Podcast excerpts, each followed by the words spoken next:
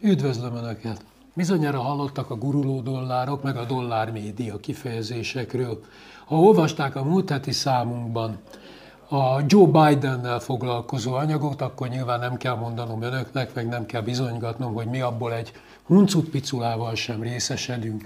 A mostani számunkban hasonló nemzetközi tárgyúírásokat találnak, részletesen megírjuk, hogy miért van bajban Berlin az ukrán fegyverszállítások miatt, és hogy általában mennyi problémával küzd az Európai Unió. Legfontosabb anyagunk Ferge Zsuzsával, a magyar szociológusok doájányével készült, és arról szól, hogy hazánkban milyen borzasztó nehéz az idősek és a szegények helyzete. Valójában úgy nézünk ki, mint a második világháború előtt. Az idős családtagjukkal magukra maradó rokonok káváriájáról írt Albert Enikő szívfacsaró anyagot. Arra kérem önöket, hogy most is ne csak olvassák, hanem vásárolják is a magyar hangot, vegyék a lapot vagy fizessék elő.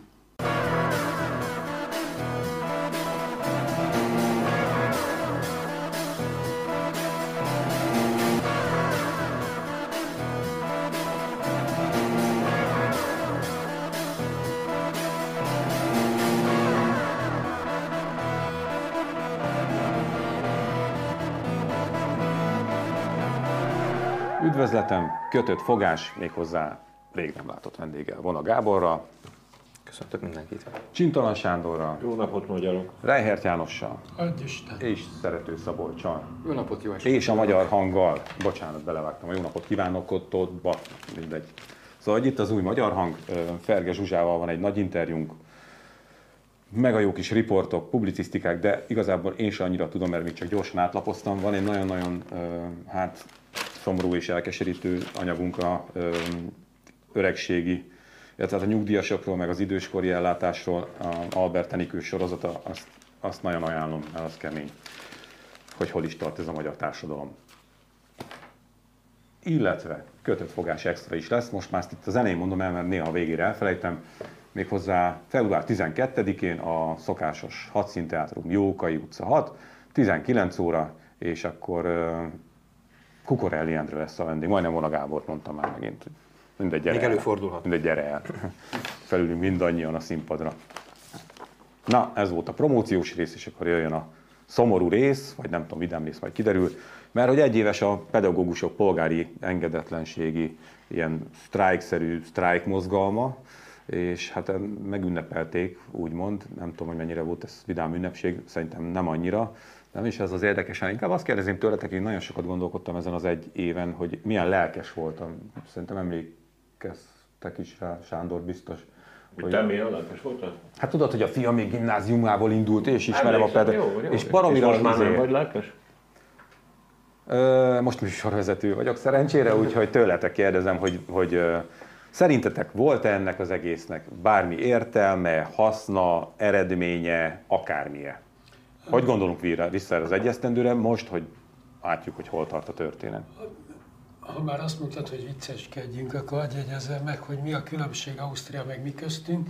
Ausztriában ma arra emlékeznek, hogy 180 évvel ezelőtt tartották az első, illetve 1993 130 évvel ezelőtt tartották az első alpesi síversenyt.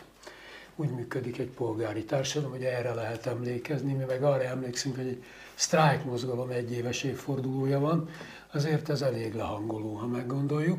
Én úgy gondolom, hogy ez a, volt a vicc. Ez volt a vidámabb része. Tehát, hogy nem, hát hogy pillancsunk bele, hogy milyen egy polgári társadalom. Tehát csak azért gondoltam én a... a Van nekem az a vitám, hogy az analógiák hülyeségek, de te most meggyőztél, de akkor a baromság, hogy fel elképesztő. Hogy az Isten nyilába jön ez ide? De most komolyan. Csak a nap miatt, semmi egyéb. Én Ausztriában is szoktak sztrájkolni. neked sem? Nem, nem az, hanem hogy... hogy... Na mi? Magyarázd, ma, magyarázd már, hogy ennek hát, most mi értelme volt. Nem kell emlékezni arra, hogy egy sztrájk mozgalom egy éve tart, mert a társadalmi problémákat megbeszélik. Ausztriában ráérnek olyasmire emlékezni, hogy 130 éve síelnek a például. A sztrájk az nem megbeszélés? A, a sztrájk mozgalom megbeszélés lehetne, ha nem tartana egy éve. Hát erről beszélt István is szerintem. És hol van leírva, hogy meddig kell tartani egy sztrájknak? Mert ennek láthatóan így nem lesz semmi. Na, várjatok, várjatok, mert kicsit, igen, szerintem megnézed az utolsó, Várjatok, várjatok. Ha megnézted várjatok. az utolsó interjúkat, amiket János, komoly, egy pillanat, csak tényleg nagyon tiszteleteméltó pedagógusok adtak, elmondták, hogy látják, hogy nincsen semmi értelme. Na, akkor még egy üdvözletem. Kötött fogás. Csinton, szóval, hogy szerintetek van ennek a sztrájk mozgalomnak, ennek az egyesztendőnek mi a tapasztalata, tanulsága, és a többi?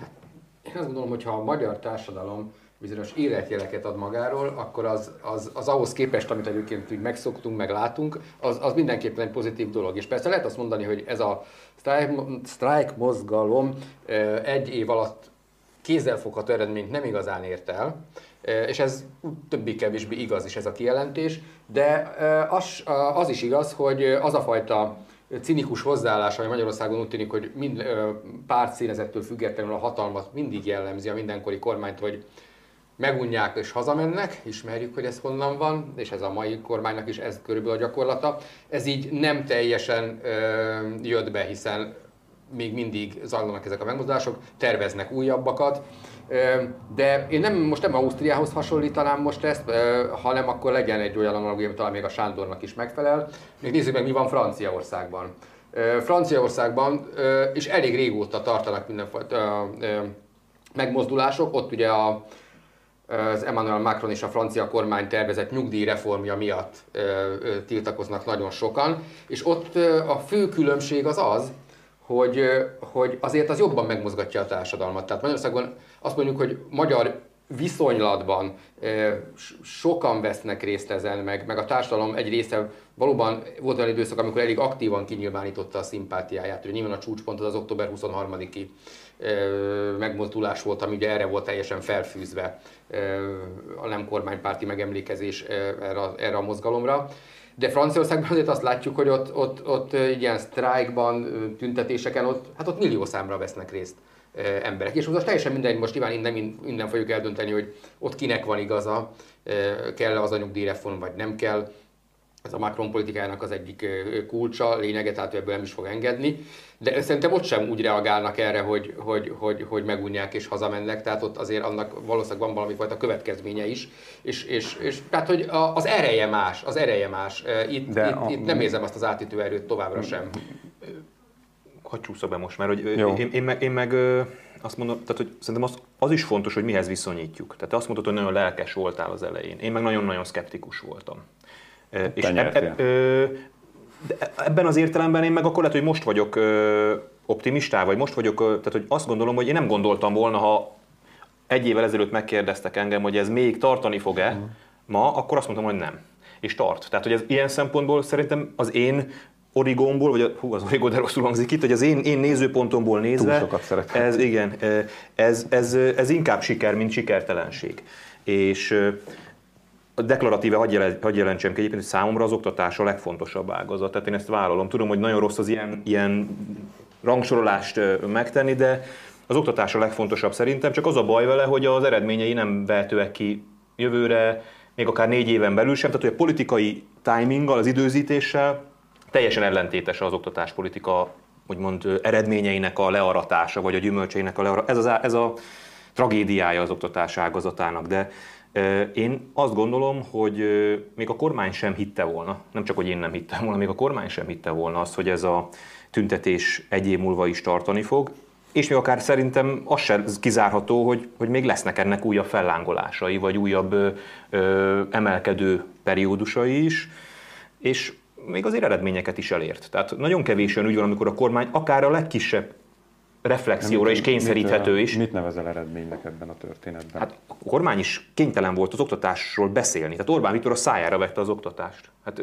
most tudom, hogy ez ilyen savanyú a szőlő, meg ilyen, meg ilyen sovány igaz, de mondjunk olyan ügyeket, amit a társadalom vagy bizonyos csoportok kikényszerítettek a kormányon. Szerintem alapvetően a hiba ott van, de ebben lehet, hogy ebbe, ezzel vitát kavarok, de nem baj, hogy az oktatás kapcsán a tüntetések nem döntötték el a legelején, hogy ezek most az oktatás ágazatáról szóló tüntetések, és várjuk a kormánypárti, de az oktatással elégedetlen tüntetőket is, vagy pedig ezek kormányváltó tüntetések, amelyeknek az oktatása a, a, a a szíve lelke, vagy ez, ez, az oktatás az apropója, amin kapcsán elindul ez a kormányellenes demonstráció, amihez majd csatlakoznak ezek azok amazok. Ez nem, nincs Nyilván nem véletlenül voltak ilyen párhuzamos demonstrációk is. Ugye? Igen, igen. igen. És, és, és, és ez a kettősség szerintem mind a mai napig kíséri ezeket a demonstrációkat, és, és lehet, hogy van, amikor ez jó, van, amikor ez nem jó. De annál is inkább, mert ezt a kettősséget ugye a kormányzat szítja, a kormányzati propaganda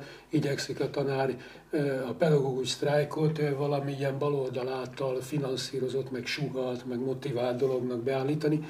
Tehát a kormányzat nem hajlandó úgy kezelni, mintha ez egyszerűen egy szakmai ágazati kérdés lenne. Ők transformálják folyton politikai térbe ilyen értelemben. Egyébként, amit mondta, az muszáj hozzátenem, hogy Persze egyetértek, hogy nem négy éves az oktatás, de ma már bárki beláthatja, hogy az Orbán kormány 12 éve az egy személyben felelős az oktatási ágazat a legnagyobb bűnök. mert hát abszolút egyetértek, mert hiszen aki első elemibe ment, mikor Orbán Viktor miniszterelnök lett, az most leérettségizett. Fölösleges bárkire mutatkozni, azok 12 év alatt kijárták az iskolát olyan volt az iskola, amilyen úgy járták ki, ahogyan. Az oktatás úgy teljes mai problematikája igenis az Orbán rezsim felelőssége. Sándor? Ja, nekem nem a osztrák pártommal volt bajom ez a sielési izével. Ugye már itt bármi, ami közvetlenül azonnal nem valami drámai fordulatot hoz, az úgymond eredménytelennek van minősítve, különös tekintettel arra, hogyha egyébként az ember nem vett benne részt. Franciaországban tényleg kialakult a évszázados hagyománya van a társadalmi diskurzusnak, és mégis sztrájkolnak. Hollandiában meg például alig vannak szakszervezeti tagok, de hogyha sztrájkba hívják az embereket, akkor elmennek sztrájkolni azok is, akik nem szakszervezeti tagok. Ergo engem nem érdekel, hogy máshogy hogy van, itt hogy van, itt mi van. És az példanélküli, vagy legalábbis nem emlékszem rá mostanság az elmúlt 30 évben, hogy az megtörténjen, amire most a Gábor is hivatkozott, hogy ébren van tartva az ügy, annak meg különösen nagy jelentőséget tulajdonítok, hogy ebben a diákság is részt vett. Már az a diákság, amelyiknek már van véleménye arról az iskola rendszerről, aminek ő áldozata. És arra azért emlékszem, hogy nekünk is volt véleményünk annak idején, tehát ez mind az manipulatív megközelítés, ami arról szól, hogy a pedagógusok piszkálják, vagy lögdösik a gyerekeket abba az irányba, hogy itt kiálljanak a tanárok mellett. Nem a tanárok mellett állnak ki pusztán, akárkit hallottam, értelmes emberi hangon, oktatásról szóló, igen, oktatás politika, politikai állásfoglalások is voltak, és nem tudunk ezzel mit kezdeni, nem csak kormányzati manipuláció, az a probléma, hogy ez rendszer szintű, ez nem egyszerűen csak egy szakpolitika. Nem véletlen, hogy az Orbánék ezen nem fognak változtatni. Nem fognak változtatni, mert a rendszer logikája ezt diktálja, hogy segédmunkásokat képezzel. Az egész szisztéma úgy van felépítve. Évek óta ebbe az irányba hat most hagyd ne soroljam már, amit csinálnak a felsőoktatással, a szakképzéssel, a középiskolákkal, minden megnyilvánulású abba az irányba mutat, ami ezt az országot eh, hosszú távon egy, hát, egy szolid helyé fogja változtatni. Nem azt mondom, hogy katasztrófába viszi az Orbán az ország. Így is lehet élni, ahogy ez a társadalom most is él. Így is lehet élni, és lesz, vannak a világban jobb helyek. Hát ennyi. Egyébként, hogy röviden összefoglaljuk, akkor körülbelül ez van. Hát, hát a magyaroknak ez jó, akkor ez van. Egyébként hát így világ. De nem, hát ez Több helyen viszont sokkal jobban lehet élni. De az nem kell, akkor ne. Hát jól van ez így. Hát figyelj ide, hát az ember, erre, erre már egyébként ebben a NER propagandában uh, szisztematikus összeesküvés elméletek épülnek fel, most nem idézem ide ezeket a kreténeket, hogy hülyének lenni jó és a tudás az pusztán a háttérhatalom által létrehozott manipuláció arra nézve, hogy a 8 milliárd emberből majd 100 millió legyen. És nem sorolom. Elképesztő.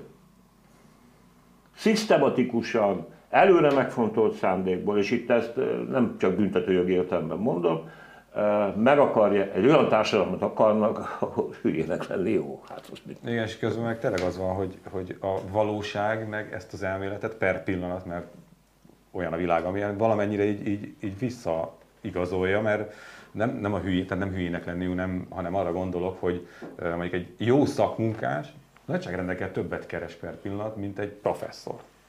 Jó, hát és akkor a társadalomnak ez lehet az a visszaigazolás, hogy annak idején, amikor a gazdasági és iparkamara vezetője, akinek mindig van valami jó ötletei vannak, és sajnos ezeket be is dobja, hogy, hogy amikor ő ezért meggyőzte Orbánt, hogy a szakképzés irányába kell elvinni a magyarokat, tessék. Hát hiszen sokkal többet keres, mint egy nyomorult pedagógus. Bocsássatok meg, nem akarom, hogy a, a, negatív legyen a mondandóm kicsengése, de ez a dolog meg fog bukni. Tudni, azt azért lehet látni. Sokat gondolkodom azon, hogy mi, amikor ilyen tizenévesek, meg nem tudom, öt évesek voltunk, hogy milyenek lehettünk, nem tudom, én nem emlékszem, valaki talán el tudnám mesélni, valószínűleg a szüleink. De azt látom, hogy nem tudnak, a globalizációnak sok átka van, de nem tudnak mit kezdeni. Tehát az unokám már nem fogja ezt elviselni, ami ebben az országban van, és tanulni fog. Nem csak és a többiek hol nem fogja, hol nem fogja nem Hát ez egy jó kérdés. Jó, kicsit engedjük el a pedagógusokat, csak azért, mert szerintem olyan sokat beszéltünk már róla, és az nem baj, mert mindig is fogunk, csak hogy most igazából nem nagyon van történés ehhez képest, hogy most meg tudjuk állapítani, hogy vagy jó, vagy nem. De ami friss, ugye február eleje van, ez a Melyik politikusnak milyen és mennyie van című össznépi hőbörgős társasjáték, hogy nyilvánosak lettek a vagyon nyilatkozatok, és gondolkodtam, hogy mi, mi, mit fogunk el, mit lehet erről beszélni, úgyhogy olyan kemény kérdést találtam ki. Na. Azt, azt írtam ide, hogy most csak azt szóljon hozzá, aki olyat tud mondani, amit az elmúlt években nem mondott el ugyanebben a témában. Teszek egy kísérletet. Miről beszélt Pisti? Annyira tudtam. Hát kulturális hagyomány most már elemző, elemzői körökben, hogy mindenki azzal kezdi a mondatot, hogy én ezt már régen elmondtam. Tehát akkor vegyük le ezt a napi rendről. Jó, ne, az biztos találunk benne olyat. A választások meglepő volt, kicsit vagy... születelni szokott. Nem csak a napok óta erről van szó minden, hogy Orbán Viktornak lett 14 millió forintja, ennyi.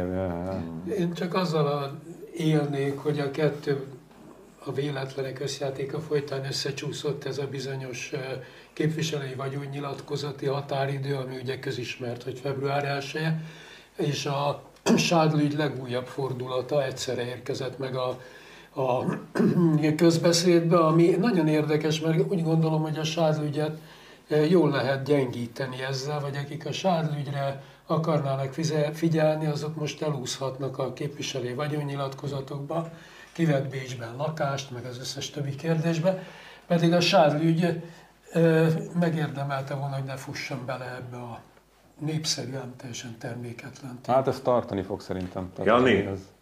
te ezt megint rosszul látod. Az ukránok korruptak. Hát ne hülyeskedj már. Hát miről beszélsz? Az ukránok, azok korruptak. Szerintem a ügy egyébként tovább fog tartani. Nekem annak, amit te is erre céloztál is, uh-huh, jól uh-huh. értettem. Tehát, hogy nekem ott az a gyanúm, hogy ott az valami belső küzdelem, aminek én nem tudom, hogy pontosan kik a szereplői, inkább csak sejtéseim vannak, de nem Sadorről szól, sőt, még nem is Völnerről. Tehát ott szerintem valami a nerem belüli töréspont, repedéspont, vagy, vagy, vagy szivárgás, ahol ezen az ügyön keresztül üzengetnek egymásnak bizonyos szereplők. Én azt, azt gyanítom és ezek a hangfelvételek is, hogy most kikerülnek, és ahogy kikerültek, és ott el lehet olvasni ezeket, ez, ez is olyan, és az, a, és az a bénultság, hogy az ellenzék nem tud vele mit kezdeni, mert igazából nem az ellenzék tárta fel ugye ezt az ügyet, hanem, hanem az ellenzék is csak nézi, mint hogy mindannyian csak nézzük a mozit, hogy itt kire megy ki ez a játék, ki lesz ennek a játéknak a végén, lesz-e valaki. Tehát ha visszaemlékeztek rá, a választások előtt, amikor ez az ügy kipattant, akkor ugye már a, a szolgálatok régóta figyelték, hallgatták le a, az érintetteket. Miközben Orbán Viktor együtt ebédelt, vagy vacsorázott, vagy nem tudom, valami bor, boros pincében Völner Pállal. Ezt is talán még megvan nektek az a kép, hogy ott ülnek, ugye? Völner választókerületében. Igen, tényleg így van. Így, tehát egy választási kampányban most azt nem hogy mondjam, lehet, hogy a NER egyébként nagyon demokratikusan működik, és a különféle ágak egymástól függetlenül végzik a munkájukat, és miért kéne titkosszolgálatnak jelenteni a miniszterelnök számára, hogy figyelik az egyik államtitkárt. Ez, Az De- igazságügyi állam. Az igazság, igen. De én valahogy azt érzem, a NER-től nehezen tudom ezt valahogy elképzelni, hogy ne lett volna valaki, aki szóljon Orbán Viktornak. De akkor mi történt? Tehát, vagy az történt, hogy valaki szólt Orbán Viktornak, és Orbán Viktor azt mondta, hogy oké, okay, vagy a másik lehetőség, hogy valaki nem szólt Orbán Viktornak. Na most mind a kettő érdekes, meg durva feltételezéseket, vagy konklúziókat eredményezhet. Csak erre mondom azt, hogy, és én inkább afelé hajlok, hogy nem szóltak Orbán Viktornak.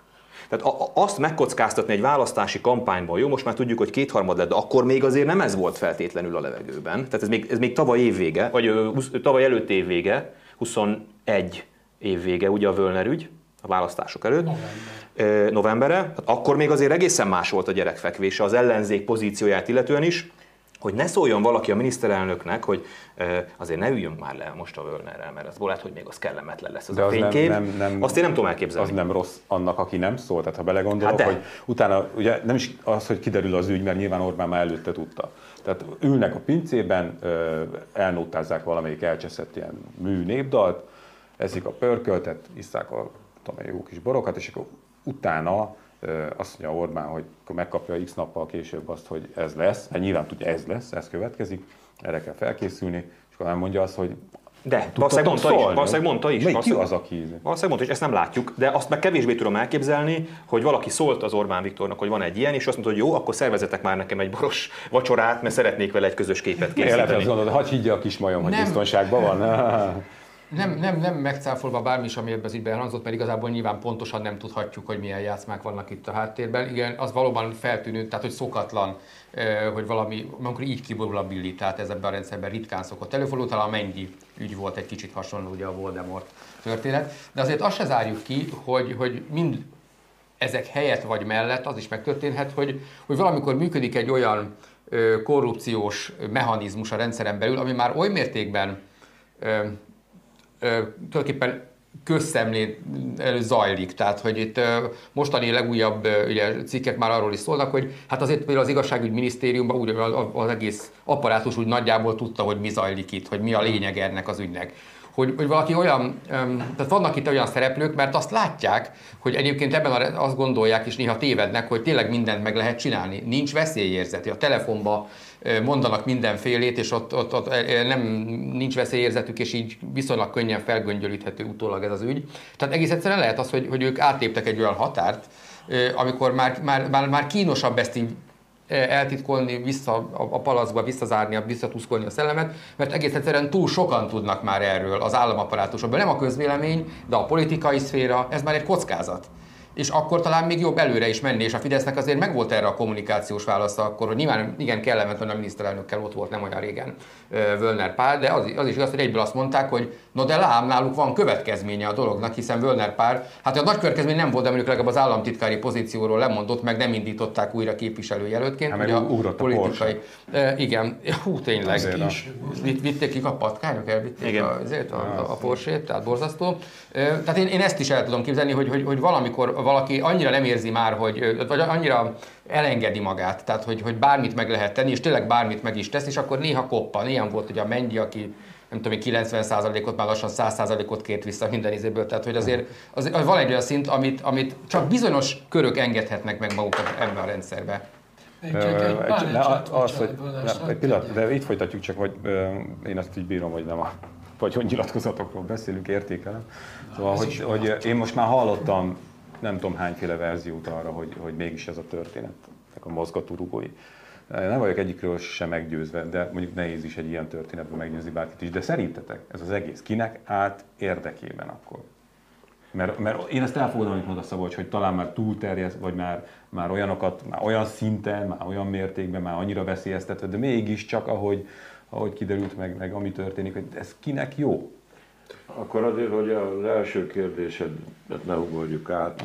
Cetelum cenzeo, ez egy álszent farizeus társadalom, az egész rendszerváltás azzal indult, hogy a politika az egy bűnös dolog, a több pártrendszer olcsóbb lesz, mint az egy pártrendszer.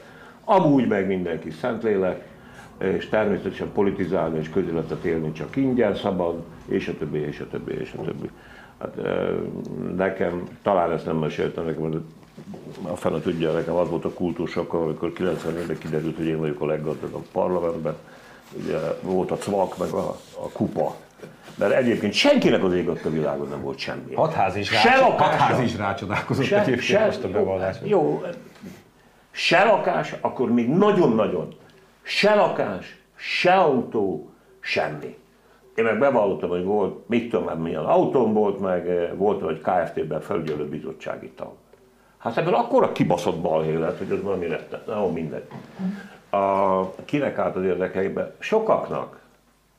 Az a helyzet, hogy számtalan uh, feltételezést tudnék felsorolni, hogy kezdjek olyannal, amivel, amit, amit én mondtam eddig egyedül. Uh, hát, hogy a, azért a Blink, német-svájci tulajdonos, uh, akármi is lehet. Hát azért, ugye a Gábor is idézte már, hogy ez a dolog már egyszer előjött, igaz, hogy a választások előtt. Lényegében ugyanezzel a felütéssel, és nem történt semmi. És nem folytatta senki. Most az a különbség, hogy folytatják, és tolják, és nyomják azzal együtt egyébként, hogy mennyire uh, sajátosan megosztott a magyar nyilvánosság, azért szeretnék nektek egy megrendítő hőt közölni, hogy az embereknek, akik nem olvasnak ellenzéki sajtót, halvány, még, még a blikkel együtt is, halványilla fogalmuk Ja, nincs persze, Egy- persze, ez mindig- mindig halva- minden ügyben Nem mindig. Ennyire, ennyire, ennyire, ne, egy szösszenet nem jelent meg. Semmi.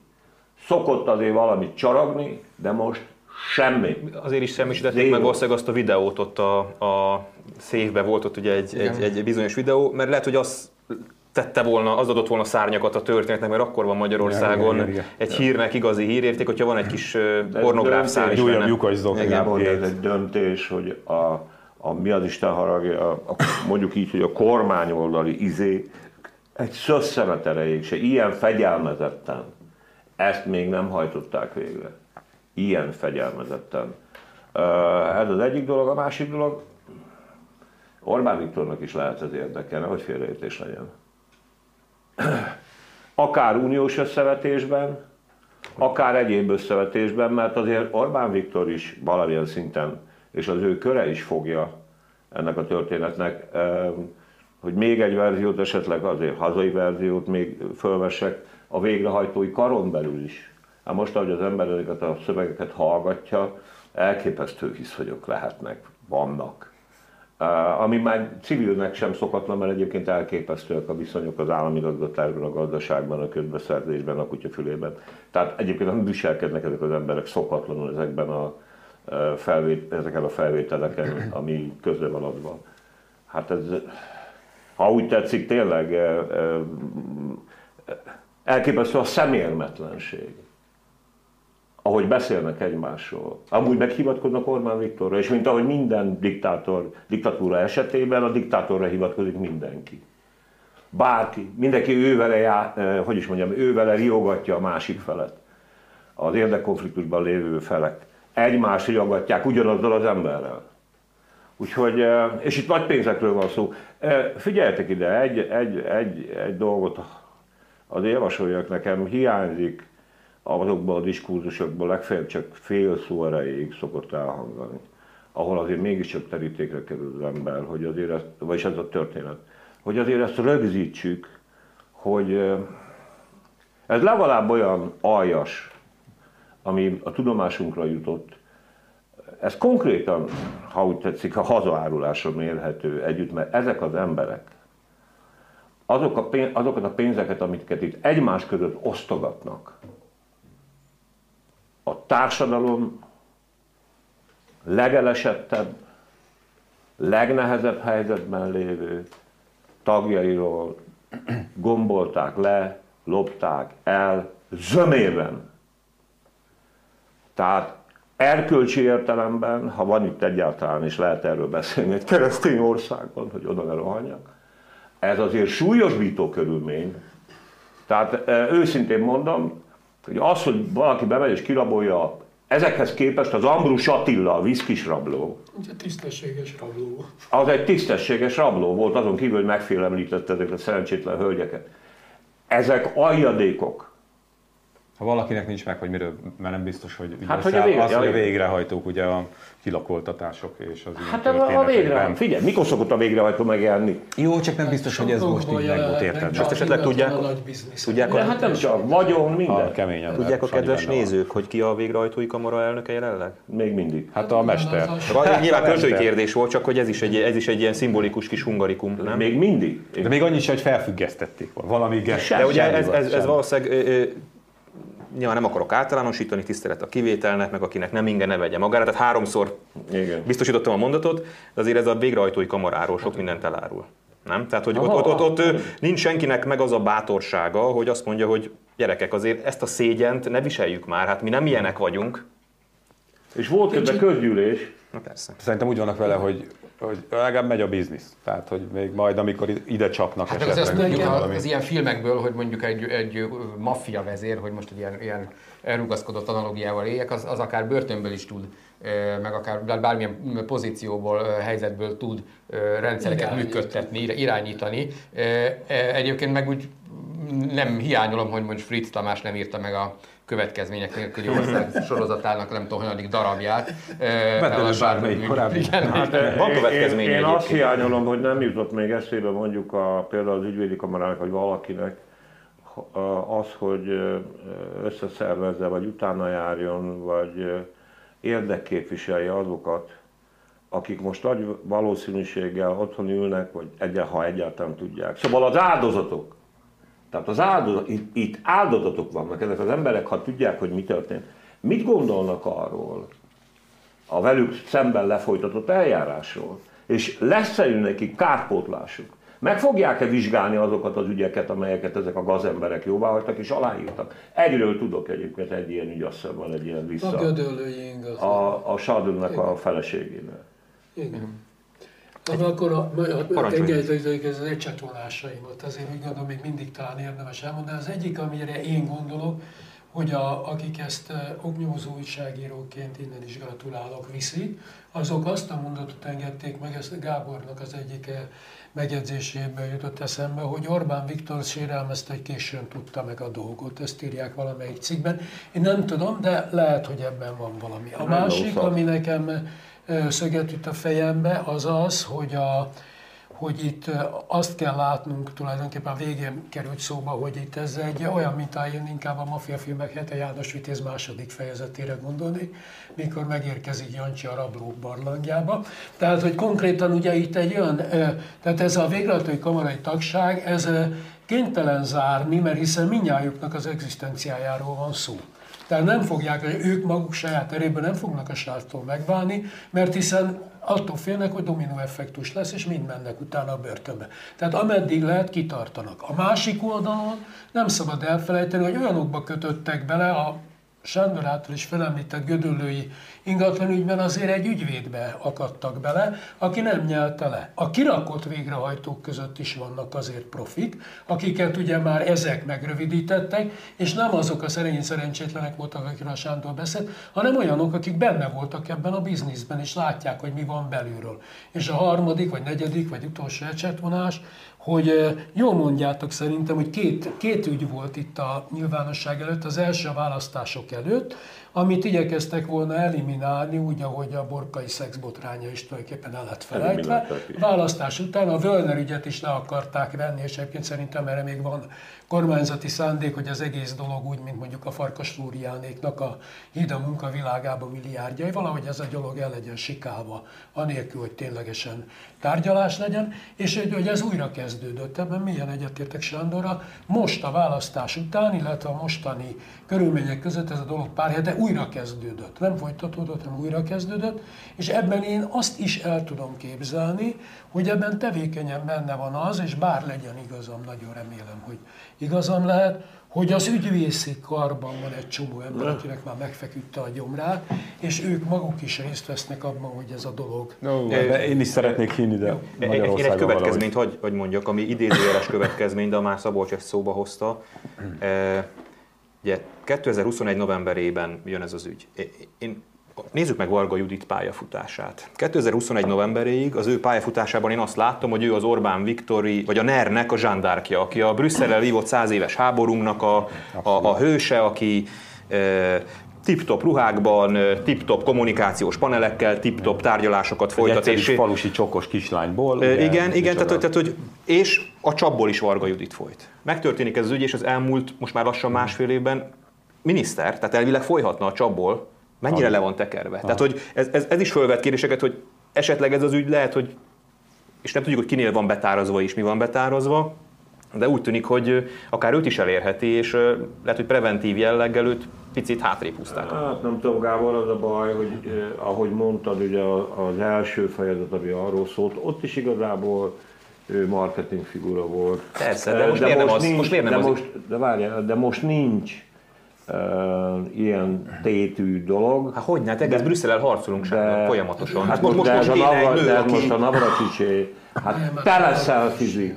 A nőt, a nőt agyonfotózzák, selfie királynő, turista, és minden orba szájba tolják a saját közönségüknek. De, nem, de bocs, nem, nem de kellene, érdemi szűrje nem volt de, sose. De, de, de, nem kellene most szerinted, vagy nem lenne szüksége Orbán Viktornak Brüsszelben egy női karakterre, akit ebben a jártában néha be tud dobni? Hát Szerintem van, nagyon. És... Is. De ha oda is van dobva, most ő is tárgyal, csak uh, ugye a Navracsicsról van az az idea, hogy miután ismeri a birtosi kart, ezért ő majd ott a hmm. izé. Csak minden esetre akkor azt a furcsaságot jegyeztem meg. Figyelj, ez, ez mikor maradjon... volt ez a nő igazságügyi miniszter? Azon gondolkodtam, hogy volt-e olyan uh, megnyilvánulása, ennek a hölgynek. Nem ez volt a fontos szerepe. Fontos, de igazad értem, van. de azért ezt a kérdést Tetszett. érdemes föltenni szerintem, hogy, hogy, hogy, hogy hát bár úgyse zavar senkit, hogy van Magyarország egy igazságügyi miniszter, aki nincs.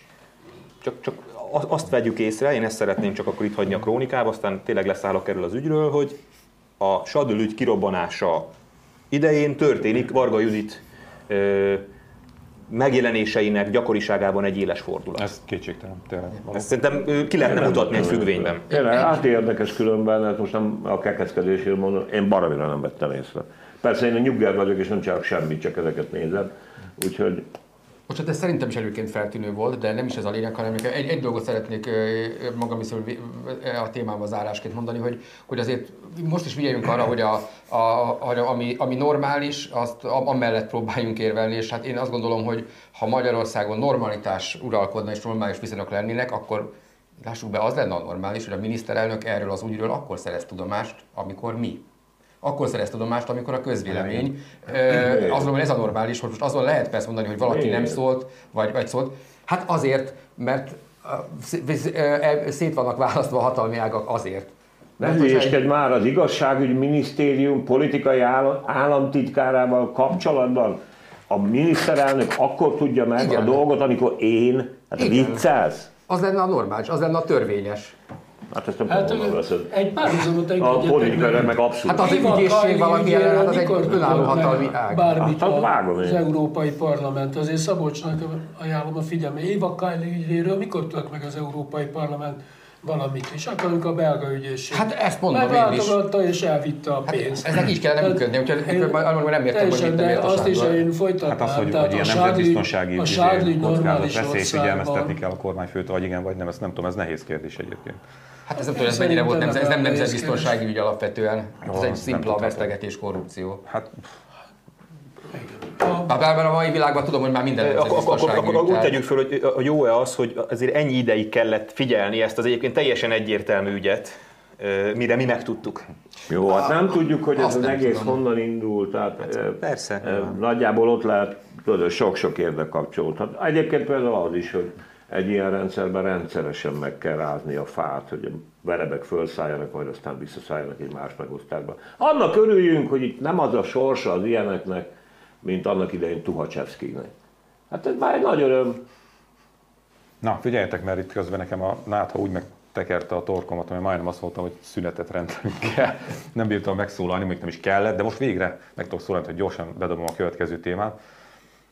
Mert hogy Csányi Sándor, a Magyar Labdarúgó Szövetség elnöke azt mondta, hogy próbálják elfogadtatni az UEFA-val a Nagy Magyarország jelképet és az árvált sávos zászlót, most idézni fogom a MLS elnökét. Az UEFA kiírása szerint olyan transzparenseket nem lehet kitenni, amelyek rasszisták vagy politikai üzenetet hordoznak. Az a kérdés, hogy a nagy Magyarország jelkép hordoz-e politikai üzenetet? Szerintünk nem. Gábor? Te ezt biztos vágod. Ö, Vágom, vagy legalábbis van róla véleményem, csak ugye itt ilyen definíciós problémákba ütközünk, hogy mi az, hogy politikai üzenet. Mert ilyen értelemben szinte mindennek van politikai üzenete. Tehát, hogy engem nem zavar, nyilván gondolhatjátok, hogy ha meglátok egy nagy Magyarország transzparens lelátok, vagy egy árpát ö, sávos zászlót, de alapvetően én annak a pártján vagyok, hogy a sportot, meg a politikát ne keverjük össze. Tehát engem a másik oldal is zavar amikor mondjuk olyan progresszív, liberális politikai termékek jelennek meg a pályán, aminek szintén nincs ott a helye. Tehát akkor viszont ne legyen kettős mérce, akkor, akkor mondjuk azt, hogy a lelátó mindenki nyugodtan fejezze ki a politikai véleményét, hiszen ez egy, mi egy ilyen, egy ilyen európai kultúrtörténet után eljutottunk oda, hogy ez senkit sem fog zavarni, mindenki nyugodtan az identitását megmutathatja, aki Nagy Magyarországgal, valaki más szimbólumokkal, és akkor márványos csapatkapitányi karszalagok. és akkor erről szól, a sportnak ez lesz a szépsége, hogy mindenki megmutatja, és ott utána meg megnézzük a Mindenki mérkőzést. megmutatta? Ö, Jó, igen, lehet, hogy ez egy frajdi volt a másik meg az, hogy akkor, akkor viszont ebben legyünk nagyon szigorúak és következetesek, de akkor minden irányba.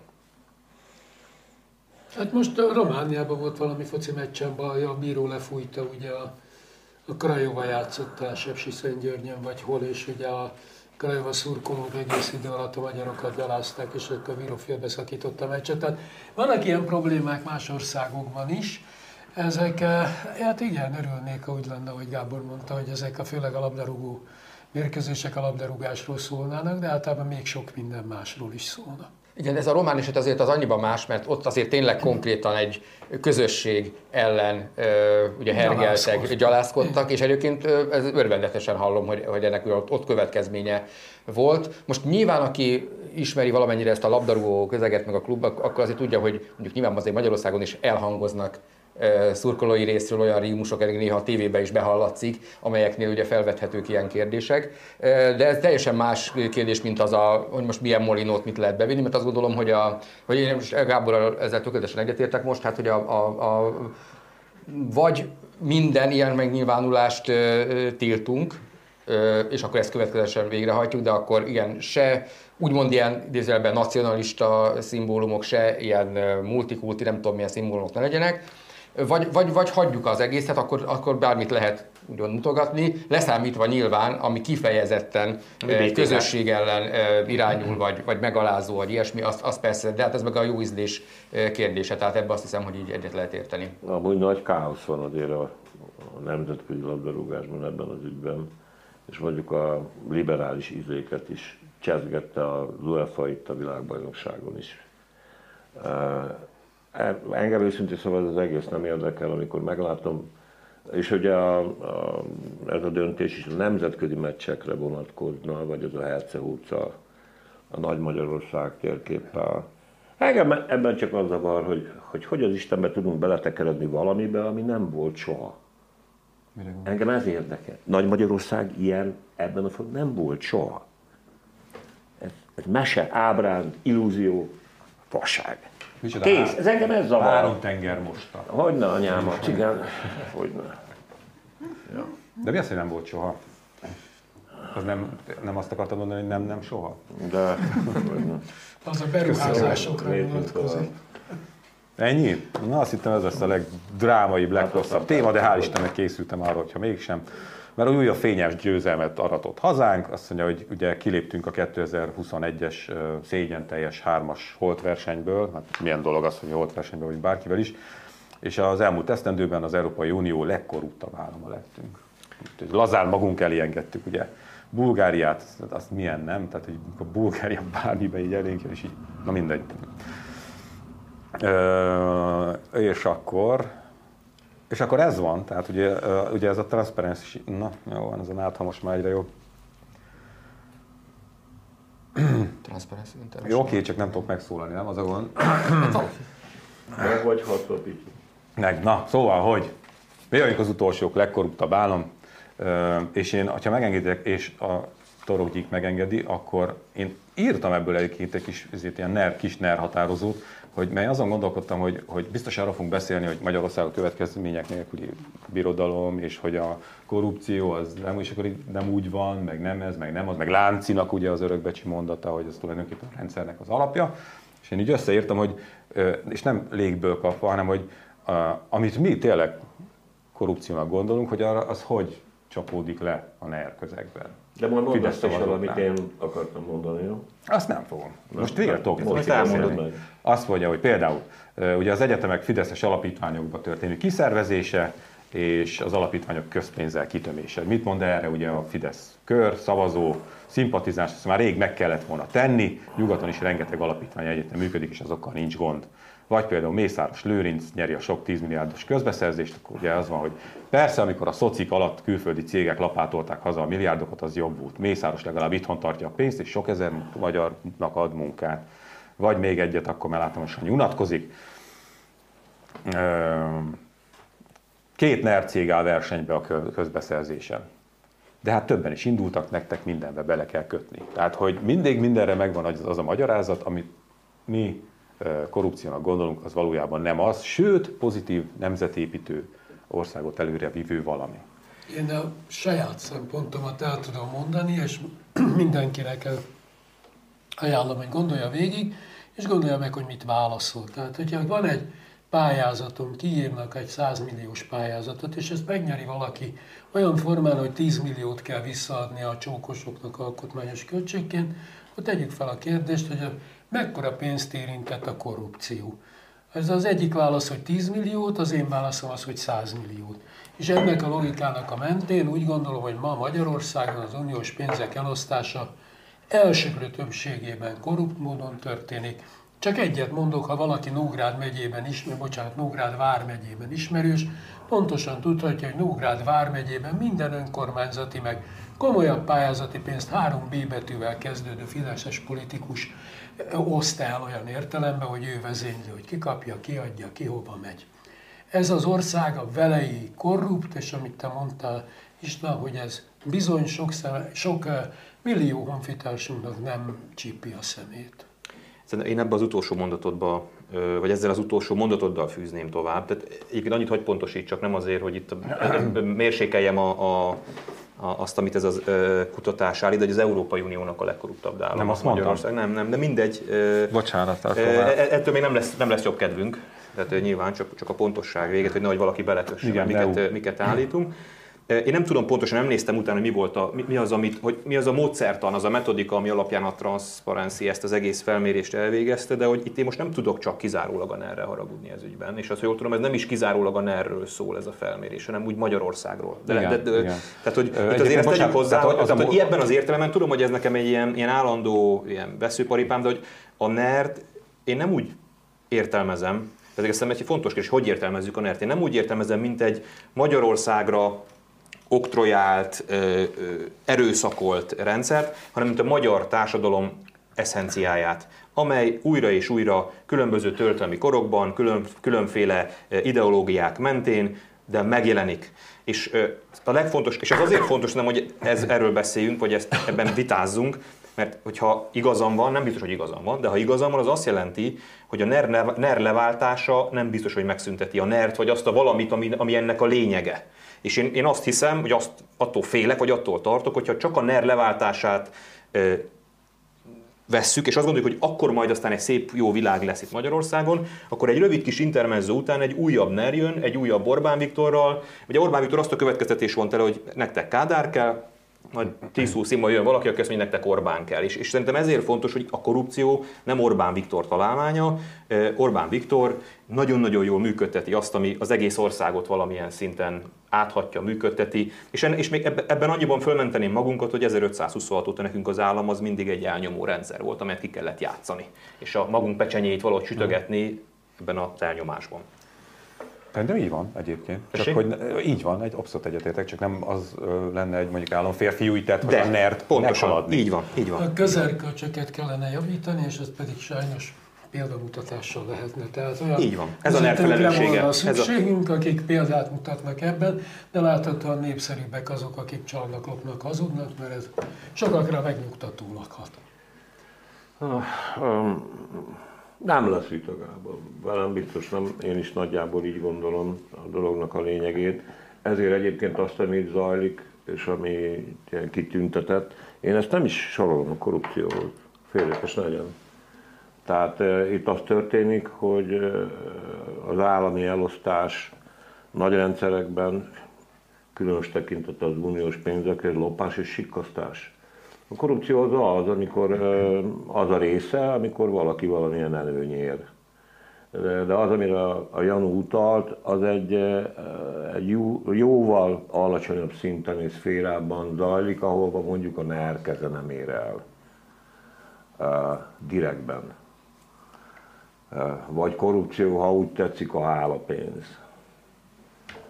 Vagyis, hogyha most csirkefarhátot kapok majd, vagy kaphat, bár ez nap mint nap lejátszódik valaki, hogyha érted, bár nagyon-nagyon nagy a figyelem, már kamerák vannak, meg minden szar, meg mindenki Vagy, vagy, vagy, vagy például az, hogy egy iskolába úgy kerül be a gyerek, hogyha fizetsz érte.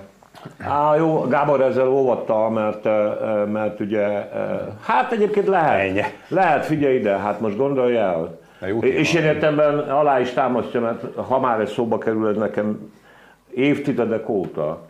Hát például hány és hány alapítvány úgymond támogatja a rendőrséget, vagy támogatta a rendőrséget, autóvásárlással és a többi. Mi ez? Egy, egy, egy olyan iskolarendszer van, amilyen ez, az, hogy alapítványokon keresztül támogatják a szülők adott esetben kimondott vagy ki nem mondott elvárásokért. Igen, egyébként igen, korrupció. Korrupció. A rendszer lényege, bele is vannak kényszerítve. És egyébként is Lánci ezt megfogalmazta abszolút módon. Ez a rendszer lényege. Nagyon régen megfogalmazta. De azért, ami ennek egy őrült nagy hangsúlyt ad, azért ennek a mértéke. Persze, már Móricz megírta, rakonok, izé, kutyafüle. De azért én beledermedek, amikor azt fölfogom, hogy ez a kis ország, 10 millió lakosával abszolút értékben több támogatást kapott, mint a második világháború után európai kontinens nyugati fele a Marshall segéllyel, és ennek a zöme nem látszik ezen az országon, sőt, mi több, most, hogy a világ harmadik legnagyobb akkumulátorgyára leszünk, még kevésbé. Zárójelben jegyzem meg, hogy nekem azért akkora bajom nincs ezzel az akkumulátor bassza, mint ahogy, tehát nem ebbe akarok belemenni. Hát szóval De tényleg hol van ennyi Ez egy pénz? katasztrófa. De ez, ez én is gondolkodtam, múltkor hangzott el. Hol például, például a izéken, az újjel barátoknál. Csak ugye annak idején az egyik konfliktus a génap előtti időszakban arról volt, a, a, ugye a, az elhíresült megveszi nekem a rostatom, mikor Orbán azt mondta, hogy megveszi az RTL-t a, a rostatom, ugye a- már akkor is, de előtte is beszélgetünk arról, hogy hát azért van az üzleti világnak egy másik része, kelet, és hogy azért az oroszokkal nagyon nehéz üzletelni, mert szimmetrikus viszonyokban nem mennek be, csak aszimmetrikus viszonyokban. És gondoltam, most teszek egy meg, nyegve megérdést, szeretném azért elmondani a nerlovagosnak, hogyha esetleg kívül esnek a hatalmon, akkor nem biztos, hogy megkapják Kazaksztánba a pénzt. De Oroszországba se. Mert úgyságban lesznek rúgva, hogy gyúgországnak, mint a győzelmi zászló. Na mindegy. Hát ezt most Ezt elmondtam. csak dühös vagyok, nézzétek el nekem, na. Hát Hát mélyen ezt megértem. megértjük, hát, hogy soha 500 éves, sőt 1000 éve nem volt ekkora lehetőség, mint amit ez a rezsim most elszalasztott.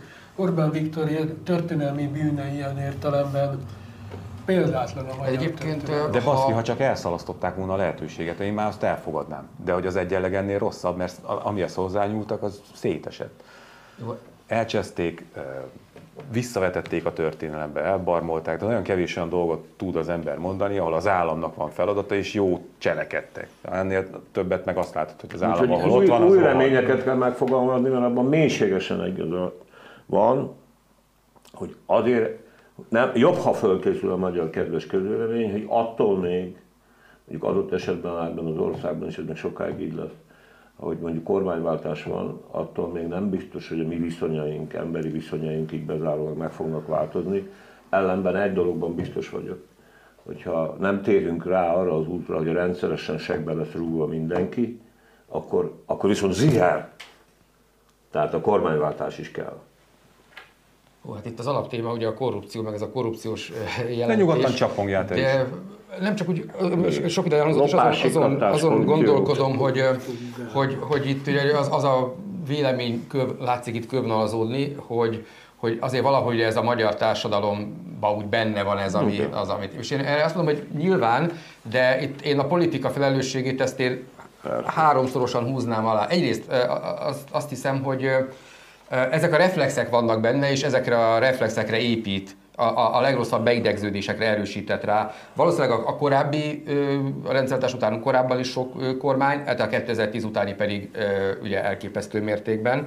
Ö, Tehát azt gondolom, hogy ö, Orbán Viktor valóban nem talált ki semmi újat, csak ö, csak minden tökére fejlesztett. Megtanult Ö. Tanult is, és, és, és, és tovább is gondolt ö, dolgokat. Viszont én azt gondolom, hogy a társadalom nagy része ö, nem, nem, valójában nem érzi jól magát ebben. Tehát vannak azok a nagyon, bár régóta hallott vélemények, hogy, hogy például az, hogy sokan hogy próbálnak ugye adót csalni, az részben azért van, és ugye ez nem felmentve senkit egy ilyen cselekedet ö, súlya alól, ö, mert gyakorlatilag a rendszer úgy van kitalálva, az adórendszer úgy van kitalálva, hogy, hogy ugye az, a vállalkozó, aki, aki rigorózusan betartja ezeket a szabályokat, az olyan mértékű verseny hátrányba kerül, hogy, hogy adott esetben le kell, hogy húzza a rollót. Ez, ö, ezen nyilván változtatni kell, és az állam nem segít ebben, sőt, hanem, hanem gátol. A másik, hogy ugye em, van egy ilyen legyintés reakció a társadalom jelentős része részéről, hogy hát leginkább az, amit most nem, nem is akkor gondolok, amit most ugye a fideszesek szoktak mondani, mert ott a- velük, ugye már, mint akik ennyire elvakultak, ugye racionális vitát nehéz folytatni, bár megjegyzem, én megpróbálom, hogy, hogy például amikor azt mondod, hogy, hogy az, egy, az egy ilyen úgymond érv, hogy legalább itt tartják a pénzt, hát azért olvassuk Nem már, igaz. nem igaz. Tehát a pénz jelentős része úgynevezett ilyen magántőke alapokban, offshore számlákon landol. Ehhez a magyar közösségnek, egyébként a magyar államnak sincs. Így van. tudja. Jó, de ettől, csak mondom, hogy ettől ez még igaz, tehát hogy még, még Nagyon fontos. mielőtt elhinnénk mi is, hogy egyébként hú, hát tényleg azért az legalább magyar, Nem nem, nem, nem igaz. Ez nagyon fontos. Ez sem igaz. Ez nagyon fontos. Jó, csak, nagyon- csak ha ez az információ nincs meg, akkor érted? Akkor te Jó, hát, de hát most, el, kell mondani. Ez Szab, még- Szabolcs, bocsáss, csak mondott egy olyan mondatot, hogy a magyarok nem érzik ebben jól magukat, és azon kezdtem el gondolkodni, mint ilyen történelmi iránt érdeklődő ember, hogy egyébként úgy mikor éreztük magunkat utoljára jól, és hogy, és hogy lehet, nem lehet, hogy mi már igazából elfogadtuk azt, hogy a világ ilyen, hogy nekünk nem is kell jól magunkat. régen tép, nem? Tehát a- Gábor, tudom a választ, mert én is szeretem történet, mindig tegnap éreztük magunkat jó. De Vagy, vagy két nap múlva. Ja, hát már csak két év, két év múlva. Most, most Két év múlva az a Például hogy most Az osztrák monarchia tök jó volt 1920 után. De most ugyanez érvényes a Kádárra, miután véget ért, tök jó volt, ugyanez érvényes a Hortira, hogy miután De hogy most nem volt, nem, de hogy ez ember nem egy fátum, tehát most Alig várom már, hogy a 90 és NER-re úgy 2010 gondolja, után nem volt. kényszer, hogy ez Egy így alakuljon. picit segítsek abba, hogy azért volt jó érzés, mert a, az az ezer éve soha nem volt állapot, hogy ide dőlt a jó pénz, dőlt az országba évtizedig, és az ugye föntről befolyt, és kicsit úgy szétfolyt, és mindenkinek jutott egy kicsi, és ettől jól érezték magukat az emberek. Az Orbán rezsime vasbiztos alapja az, hogy kívülről jó pénz jött, amit ő úgy osztott, hogy a 90%-át elvitte, de egy részét tovább engedte. És ettől igenis állítom, van egy, vagy volt egy jó érzés, hogy most rossz érzés van az az, és ez az uniónak a nagy felelősség, hogyha elzárják ezeket a csapokat, akkor itt nem lesz jó érzése senkinek. Ma reggel hallgattam, éppen ezt beszéltük a Kovács Árpádot a, a Kossuthon, arról kérdezték, hogy mennyi uniós pénz jött be Magyarországra tavaly, és hát azért csinos összeg Igen. voltám. Na most, ha egyszer, egyszer tényleg elzárják, akkor Magyarország lakossága azzal fog szembesülni, hogy ez az ország önerőből működésképtelen. Ez már most itt van ez a, stá, ez a stádium, a fejlődésnek nem nevezném, a haldoklásunknak abban a stádiumába érkeztünk, hogy lélegeztetőgép nélkül semmit. A lélegeztetőgépet úgy hívják, hogy Európai Uniós támogatás. De- Eljutottunk Gáb, ide. várjatok meg, Gáb. Csak, nem, csak annyiban szeretném ezt árnyalni, hogy, hogy hová tűnnek az uniós pénzek, és ebben szerintem van egy fontos szempont még, amit, amit érdemes ide tenni, hogy maga az Európai Unió is érdekelt ebben a rendszerben, vagy érdekelt volt, vagy sokáig érdekeltnek számított, hiszen 2010 előtt, és most nem akarok az elmúlt 8 évet, mert már, már 12 év van, ugye, már bőven túl vagyunk a 8 éven, csak hogy előtte szerintem nagyjából, hogyha ilyen leegyszerűsítve kell a rendszert értelmezni, akkor az volt, hogy a, ide érkeztek Magyarországra az uniós források, a, a, az akkori kormány esetlenül próbált abból halázgatni, és a, a magországok pedig a itt lévő cégeiken keresztül visszafolyatták ennek a pénznek egy részét a saját gazdaságukba. Most annyi változás történt,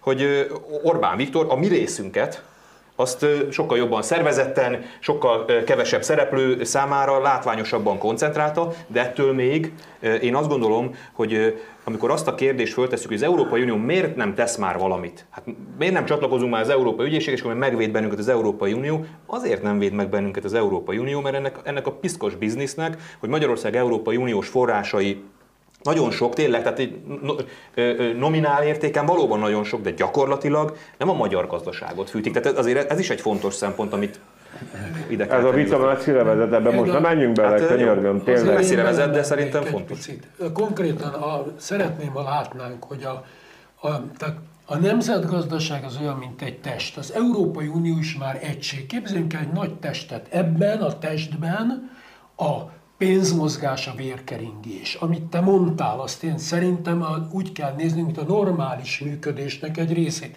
a pénz jön és megy, és ha nem tud keringeni, akkor megáll az élet, és ha végképp nem tud keringeni, aztán akkor lesz háború. Tehát most ugye az oroszokkal való szakítás eljut oda, hogy nem, semmilyen pénzügyi kapcsolatunk nem lesz, az már tényleg a háború előszobája lesz, mert ez mindig így van. És szerintem, amit te mondtál, az egy közismert és közkeletű vélekedés arról, hogy az Uniónak azért volt jó Magyarország, mert ők itt kerestek, ebben nyilván van igazság, de ez nem is kérdés, de azt is tudni kell, hogy úgy nem működik működik a világ, hogy az Unió eret vág magán, és Magyarországnak kicsorgat egy lehető pénzt, és akkor van. egyébként meg ők igazad úgy gondolják, mert a többi országban viszonylag tudatosabb adófizetők élnek, akiknek egy idő után feltűnik, ebbe. hogy egy, az egyik országba elmegy a pénz, nem jön vissza, visszajön, mert a vérkeringés ebbe, miatt ebbe, ebbe igazad vissza van, csak kell jönni igen, Magyarországot, János, az Orbáni politika vezette ki. Oké, csak, csak akkor miért nem tudta egyetlen egy kormányunk sem, és mivel erre a NER-nek volt a legnagyobb lehet lehetősége, legnagyobb politikai felhatalmazása, meg legnagy, legtöbb ideje, nyilván ebben a neré a legnagyobb felelősség is.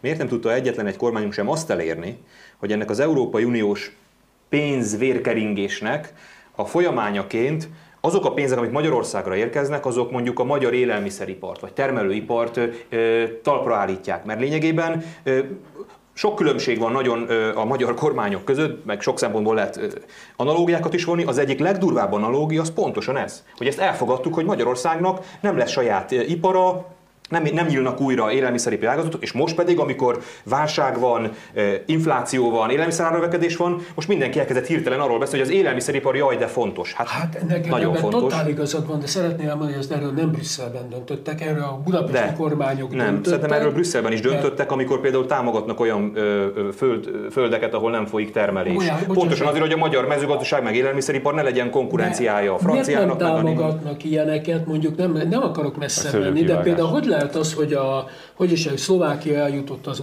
az euróig, Horvátország eljutott Ez az euróig. Mert az ottani kormányok távlatosabban gondolkoztak, mint a budapesti kormányok. De, Szerintem... de bocs, ebben én teljesen igazad, én, én, ezt, én ezt az értünk haragszom ö, ö, nyelvén mondom, tehát szerintem Orbán Viktornak szabadságharcot kellene folytatni Brüsszellel, csak nem a hülyeségekben, hanem pontosan ebben. Én meg azt mondom de neked, nem, hogy, de hogy. Orbán Viktor, Orbán Viktort egy dolog érdekel, hogy hogy lehet ebben a pénzből minél többet lenyúlni. Nyilvánvalóan. Többi, okay. és nyilvánvaló, hogy egyetértünk. A többi az duma, az rizsa, az izé, maszlag, Szerintem egyéb. El, elhiszi magának a, a, a saját szerepét, ilyen... ami, amit köré épült, köré építettek, ő maga köré építette. Nem hiszem, hogy csak ez a pénz érdekli, a baromira, de szerintem ez a politikai ambíció az ugyanúgy benne van. Az ilyenfajta támogatás az éget a világon semmilyen kötelezettséget nem rólt a magyar kormánya. Nem volt semmiféle olyan brüsszeli előírás, hogy írtsák ki a magyar szőlőtket Elkötettük csak ha, valaki, ha valakik egyébként piaci okokból oda jutottak, hogy,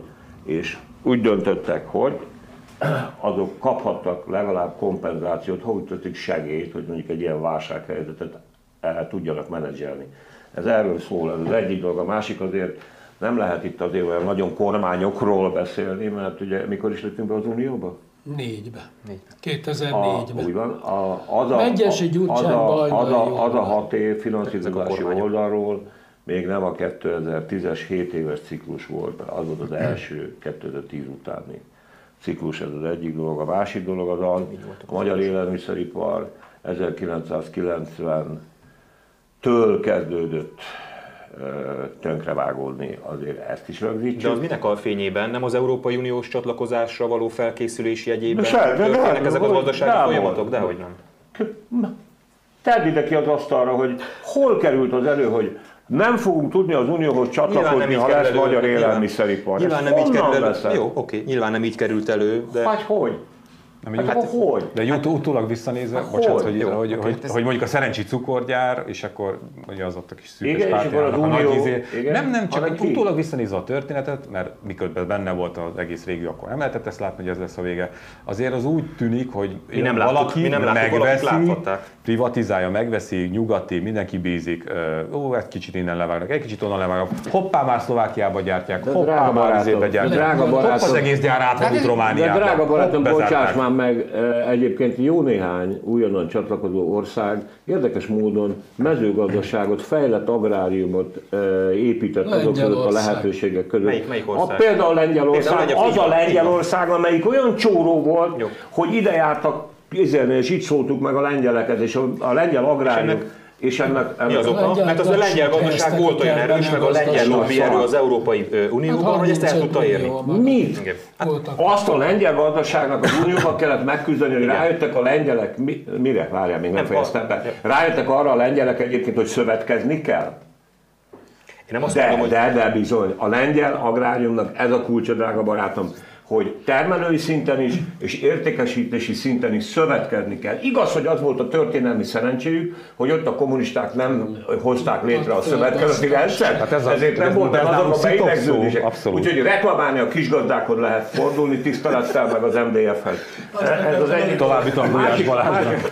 jó, de Bocsáss az. Európai Unió azért nem Bocsáss meg, ezért bocsáss meg, bocsáss, nem is kell, bocsáss meg. De kell. Egyébként Kell. az persze egy illúzió, de ez a, hogy is mondjam, a, mondjuk így, hogy- közgazdasági naivitása ennek a nemzetnek, hogy, hogy, hogy ez a dolog, ahogy a János ezzel a analógiával elmondta, igen, itt üzlet van. Igen, üzlet, üzlet, üzlet, üzlet. De azért vagyunk, és nyilvánvalóan azoknak a cégeknek is érdekelteknek kell lenni abba, hogy ide jöjjenek. Az a kérdés, hogy az adott állam ezt az érdekeltséget milyen, mely feltételeket akarja ezeknek az érdekeknek megfeleltetni. Nem volt hosszú időn keresztül, vagy tétova kísérletek voltak erre-arra, de végül is azt, hogy, hogy Magyarország a bérmunkára, a segédmunkára, az összeszerelő üzemre térjen teljesen is, totálisan rá, mert Horn előtt is, vagy izé, Orbán előtt is már azért lett erre autógyár, meg és a többi. Ez múlik rajtunk. Az uniónak egyéb kompetenciái ebben az ügyben nincsenek.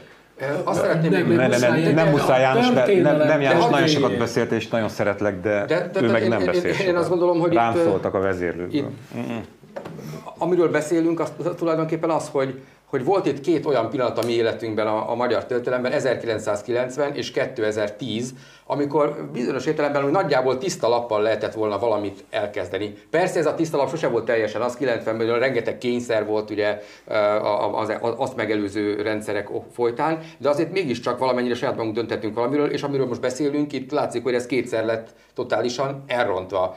A 90-ben is el lett rontva, és most is, ö, 2010 után is. Pedig 2010 után aztán tényleg már olyan politikai fel. Antal Józsefnek ugye kétharmada soha nem volt, Orbán Viktorra pedig más. mondatot, Szabolcs, ne felejtsd szabad. Tehát, hogy az, azért, azért tetszik a sor, hogy csak azért durvább a 2010, mert egyrészt Durvább. 2010-ben már egy csomó tapasztalatunk Igen. is volt, Igen. kétharmados, politi- amit mondtál is, kétharmados, meg azért 2012-től meg már egy világgazdasági fellendülés Igen, ez egy a- arany a- évtized volt, ez ar- arany évtized volt, és ehhez képest kell megnézni, hogy honnan, hova jutott el Magyarország. És ez azért fontos egyébként ezt rögzíteni, és akkor ebből az alapról el, elindulni, mert ugye az is elhangzott, hogy hát ha majd esetleg valamikor ugye váltás lesz, és a NER, NER, NER megbukik, eltűnik, aminek ugye most olyan rövid távon nem sok esélyét látni, Jaj, akkor azért jó lenne, hogyha egy kicsit felkészültebben érkezne oda az ország ebbe, ebbe, a- ebbe, a pillanatban, mert, mert talán harmadszorra nem kellene, tehát le, le, legyen már valami távlatos koncepció. De hogy nem, három a magyar igazság. Na, Na, figyeljetek, elment a nem létező műsoridőnk, úgyhogy még elmondom. még a- egy mondatot ne, ugye a, a nézők részére, mert túl sokszor került elő, és csak a Sándor olyan öreg, meg én, Szabolcs elég. Annyit, hogy 30 fejezetből állt az Európai Uniós csatlakozási tárgyalás, 30-ból. Ebből hármat zárt le a Horn kormány, 24-et az első Orbán kormány, és az utolsó hármat a Megyesi kormány. Kaparom elő az agyamból a régi dolgokat, Gábornak mondom, a mezőgazdasági fejezet a megyesi kormányra maradt, mert állandó húzakodások miatt a legvégére maradt. És a leges legvégére nyilván mindannyian emlékszünk, amikor Megyesi elment Kovács László, és megkérdezte, hol kell aláírni. Az utolsó években semmiféle tárgyalás nem volt, mindent elfogadtak. Addig volt húzva a mezőgazdaság, részint igazad van, tehát hogy kényszerítették, tehát rosszul tárgyaltunk. Na, ez a lényeg, ennyit szerettem volna elmondani. Fiatalabbaknak nem kell emlékezni. Ja, és akkor az utolsó téma, amiről nem fogunk beszélni, pedig az a nézőinek a kedvenc blokja az ellenzék, ugye? Azt, hogy csak felolvasom, hogy mit írtam össze, hogy, am- amiről nem fogunk beszélni. Momentum megváltóként várja és kínálja egyszerre Donát Annát, a DK a baloldal legjobb, legerősebb, leghitelesebb figurát íval erősít minden nap. Az MSZP pénzt osztana, a párbeszéd az párbeszéd, az LMP viszont Ungár Péterrel az élen elkezdett valódi zöld pártként viselkedni. A kérdés, hogy mennyire van erre kereslet a magyar társadalomban. Na, ez volt a műsor vége, remek. Mert És akkor, mert nagyon elszaladt az idő. Gábornak, Gábornak készülsz valahova? Vagy kinek? Gábor, most Rántalak magammal, mint figyelj, Bogovics Titus, ez a a Gábor egyáltalán nem helyeselt most. A nevén nem szólalsz meg. Szegény Gábor. Hát valakire, nem siet ja, valakire kenni kell. Hát akkor hivatkozz Én úgy jövök jövő héten, és akkor rám lehet kenni, gondolom. De vele. még itt maradni? Igen. Hát, hogyha ha van, van igény, erről esély. beszéljünk, akkor beszéljünk. Jó van. Nekem aztán mindegy. Ilyen vagyok egy... Na, Na.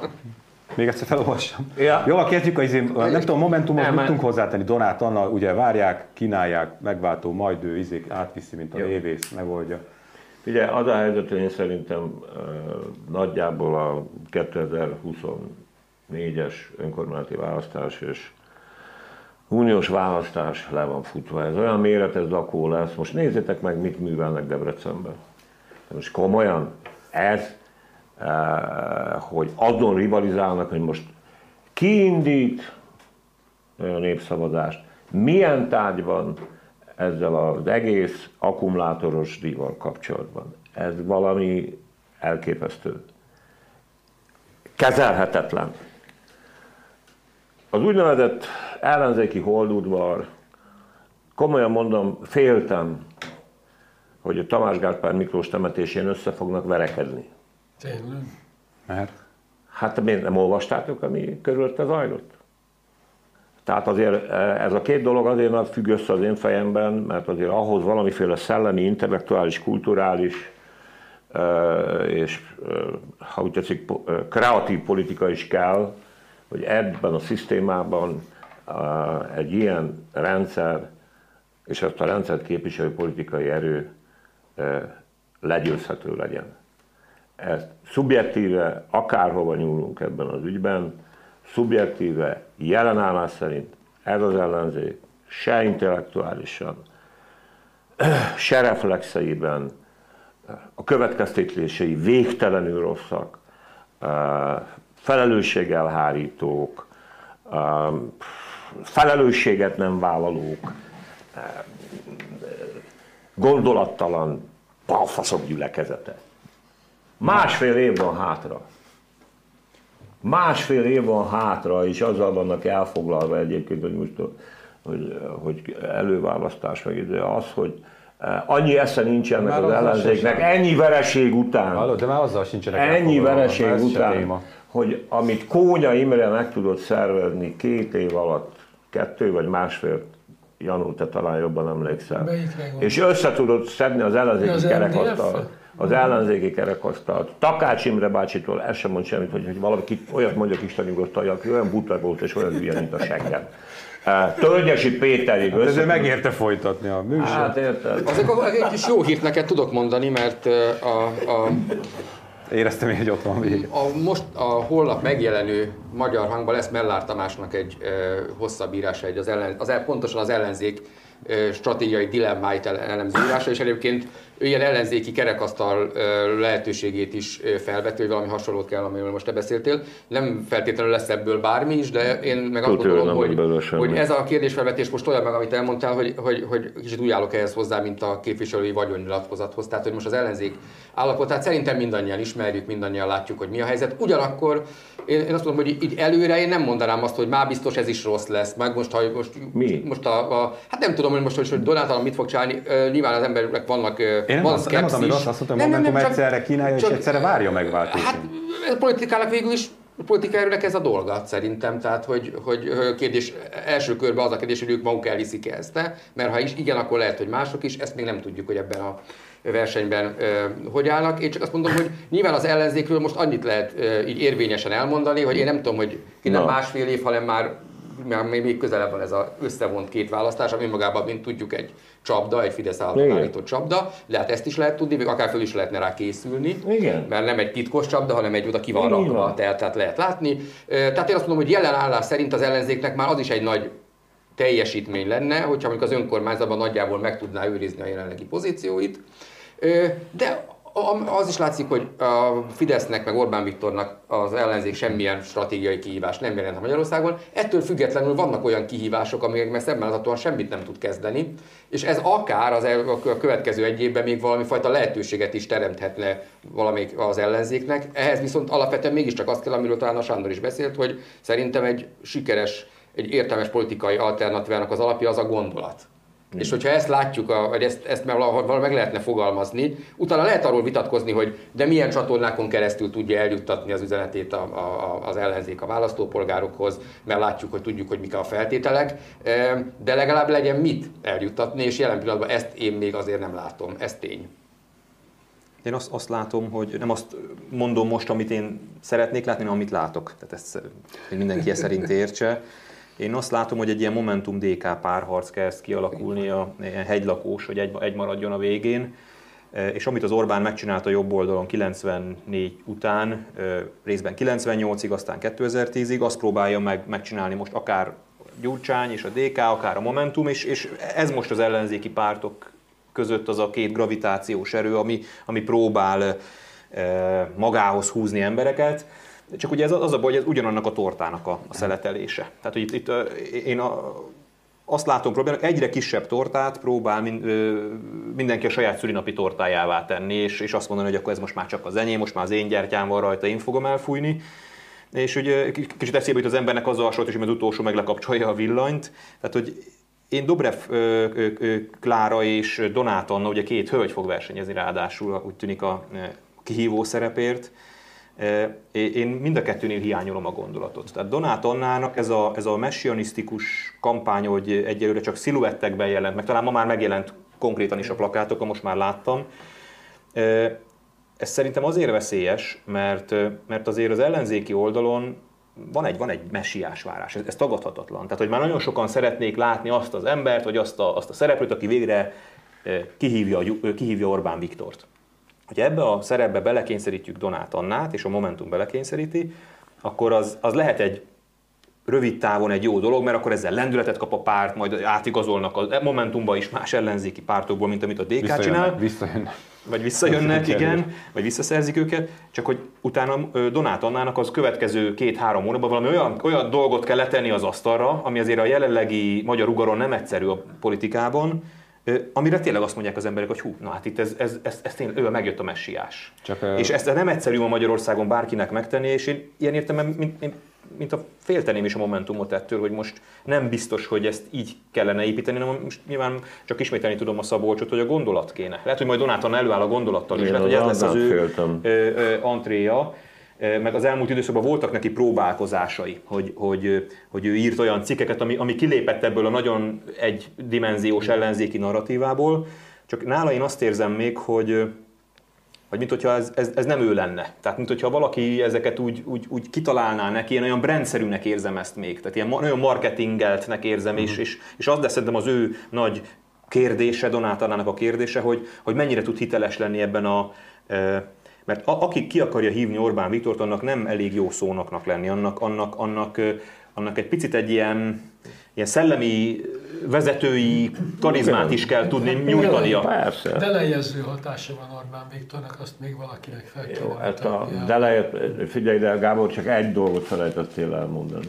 Hogy amikor az Orbán elkezdte összerakni a, annak a jobb oldalnak a wow, bezabálását, vagy felfalását, azért annak volt nem karizmatikus, vagy delejes, de volt gondolati és érzelmi magja. Itt ez most nincs az ellenzék jelenlegi állása szerint.